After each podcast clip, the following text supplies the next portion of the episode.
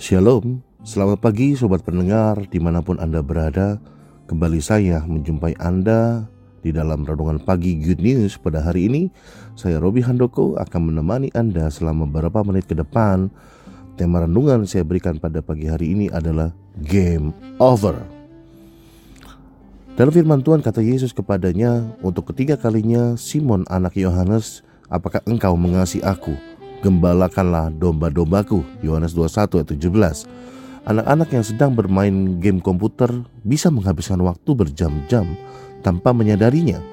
Hal itu terjadi karena setiap kali mereka sampai pada akhir sebuah permainan dan di layar monitor tertulis game over atau permainan usai, maka selalu saja ada pilihan try again, coba lagi. Sebuah permainan yang tampaknya sudah usai ternyata tidak benar-benar usai, saudara Selalu saja ada kesempatan berikutnya. Itulah yang terjadi dalam perjumpaan Yesus dengan Petrus. Yesus tidak menghakimi Petrus yang telah menyangkal dirinya, bukan cuma sekali saja, tetapi sampai tiga kali. Yesus justru menawarkan tombol try again kepada Petrus saat itu. Yesus juga memanggil Petrus dengan nama kecilnya Simon untuk menunjukkan bahwa ia bersedia menerima Petrus apa adanya. Tidak peduli apakah Petrus adalah Petrus Murid yang tampak loyal tetapi ternyata imannya rontok di masa krisis atau ia adalah Simon seorang nelayan biasa. Yesus bahkan mempercayai Petrus untuk melakukan tugas besar menjadi gembala bagi domba-domba milik Yesus. Yesus sedikit pun tidak khawatir Petrus akan gagal kembali. Oleh karena Yesus memberikan anugerah demikian, maka Petrus mengalami transformasi luar biasa dalam hidupnya. Ia berubah jadi seorang murid yang pernah menyangkal gurunya, menjadi seorang murid yang bersedia mati demi imannya kepada sang guru. Perubahan luar biasa ini terjadi karena ia mendapat anugerah try again. Saudara, dalam memulai sesuatu terlihat memang lebih mudah, tetapi apakah kita bisa menyelesaikannya sampai akhir? Banyak orang bisa memulai segala sesuatu dalam hidupnya, tetapi tidak banyak orang yang mampu menyelesaikannya sampai akhir. Seperti dalam pelayanan, kita bisa memulai pelayanan, tetapi apakah kita sudah menyelesaikannya dengan baik? Demikian juga dalam dunia kerja, bahkan dalam hal panggilan hidup kita harus mampu menjadi penyelesai. Bukan hanya sekedar kita memulai lalu meninggalkan panggilan hidup, tetapi kita harus mampu menyelesaikannya sampai garis akhir. Untuk menjadi penyelesai, kita harus tahu apa arti kata game over atau selesai. Ketika kita mendengar kata selesai atau game over, apa yang terlintas dalam pikiran kita? Mungkin dalam pikiran kita terlintas arti kata selesai, yaitu sudah tidak ada lagi, tidak berlanjut, habis, game over seperti sebuah game dan lain-lain. Kata selesai merupakan kata yang luar biasa. Contohnya kata game over. Kata tersebut diperlukan dalam sebuah permainan. Bayangkan, seandainya tidak ada kata tersebut, Pasti Anda sangat capek bermain karena tidak tahu kapan selesainya. Kata selesai sangat diperlukan di dalam hidup kita. Banyak orang sudah melakukan banyak hal tetapi tidak pernah menyelesaikannya sehingga tidak ada hasil yang diperoleh dan akhirnya menyebabkan kita putus asa saudara. Kata selesai menunjukkan ada sesuatu yang kita hasilkan. Maka dari itu kita perlu kata selesai. Tuhan Yesus sangat mengerti apa arti kata selesai. Ketika dia menjadi manusia, dia telah memberikan teladan buat kita dalam menyelesaikan tugas yang diberikan oleh Bapa.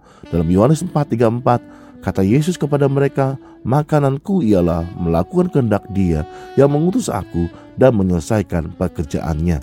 Untuk dapat menjadi penyelesai, maka diperlukan perjuangan, seperti juga yang dilakukan oleh Tuhan Yesus untuk menyelesaikan tugas yang Bapa berikan di muka bumi ini. Tuhan Yesus pun juga berjuang untuk menyelesaikan karya penebusannya di atas kayu salib. Kita juga berjuang untuk menjadi penyelesai dalam pekerjaan kita, saudara. Studi kita, pelayanan kita, panggilan hidup yang telah Bapak berikan, dan segala aspek kehidupan kita. Orang yang tidak punya daya juang berarti orang tersebut tidak tahu arti kata selesai. Apa pun yang kita sentuh dan kita kerjakan, kita harus berkata bahwa kita akan menyelesaikannya dengan baik Orang yang mengetahui arti-arti selesai pasti akan mengetahui hasil akhir atau finish dari apa yang dia lakukan sehingga dia akan memiliki daya juang untuk bisa sampai garis finish. Ilustrasinya seperti orang yang sedang mengikuti pertandingan lomba lari. Ketika dia tahu garis finishnya, maka dia akan berjuang untuk menyelesaikan pertandingannya. Ketika dia capek, letih, lelah, maka dia tidak akan mudah putus asa karena dia tahu garis akhir yang dicapainya. Ada tiga poin penting yang harus kita pahami tentang arti kata game over atau selesai. Yang pertama adalah bisa melihat jauh ke depan. Orang yang mampu melihat jauh ke depan berarti orang tersebut punya tahu apa visi dalam hidupnya. Visi sangat penting buat hidup kita. Orang yang tidak punya visi tidak mungkin bisa menjadi penyelesai karena dia tidak tahu kapan selesainya. Oleh karena itu kita harus tahu bahwa visi atau panggilan hidup yang sudah Allah berikan untuk kita semua bukan hanya visi pribadi, tapi visi untuk kerajaan Allah. Panggilan setiap kita sangat spesifik. Jadi kita tidak boleh hanya sekedar berkata panggilan hidup kita untuk menjadikan semua bangsa murid Kristus atau menjangkau dia. Tapi kita harus tahu dengan jelas lewat bidang apa kita bisa menjangkau jiwa untuk kemuliaan nama Tuhan. Jika kita mengetahui visi, maka kita akan menjadi penyelesai dan pemenang. Orang yang menang pasti menyelesaikan, tetapi orang yang selesai belum tentu menang. Visi juga akan membantu kita dalam mengambil keputusan saudara dengan baik untuk hidup kita. Rasul Paulus merupakan salah satu contoh orang yang bisa melihat jauh ke depan dan sangat radikal untuk menyelesaikan panggilannya. Dalam kisah Rasul 20 ayat 24, tetapi aku tidak menghiraukan nyawaku sedikit pun, asal saja aku dapat mencapai garis akhir dan menyelesaikan pelayanan yang ditugaskan oleh Tuhan Yesus kepadaku untuk memberikan kesaksian tentang Injil kasih karunia Allah. Yang kedua, saudara, poin yang kedua, bagaimana kita dapat mengerti tentang arti kata selesai adalah menang. Kita harus menang atas permasalahan kita, sakit hati, kepahitan, keterikatan, dan lain-lain. Jika kita tidak pernah menyelesaikannya, kita tidak bisa menang atas semua itu. Firman Tuhan juga menyatakan bahwa kita lebih dari pemenang. Hal itu berarti kita diberi kuasa oleh Allah untuk menang atas hidup kita, atas setiap permasalahan kita. Kita harus menjadi murid Kristus yang mengalami pertumbuhan secara progresif. Ketika kita sudah mau memainkan satu area, misalnya area kesombongan, maka kita harus memenangkan area-area lainnya dalam hidup kita. Jangan kita menghabiskan waktu hidup kita untuk satu hal yang sama, saudara. Misalnya kepahitan. Jangan sampai kita terus bergumul bertahun-tahun hanya untuk masalah kepahitan. Sadarlah bahwa bersama dengan Allah kita menjadi umat pemenang, bahkan lebih daripada pemenang. Kita punya kuasa untuk mengalahkan musuh. Yang terakhir adalah poin terakhir adalah sukses. Ketiga sukses, saudara. Orang yang sukses selalu menyelesaikan semuanya. Ketika kita berhasil menyelesaikan apa pun dalam kehidupan kita, maka kesuksesan akan menyertai kita. Amin, saudara.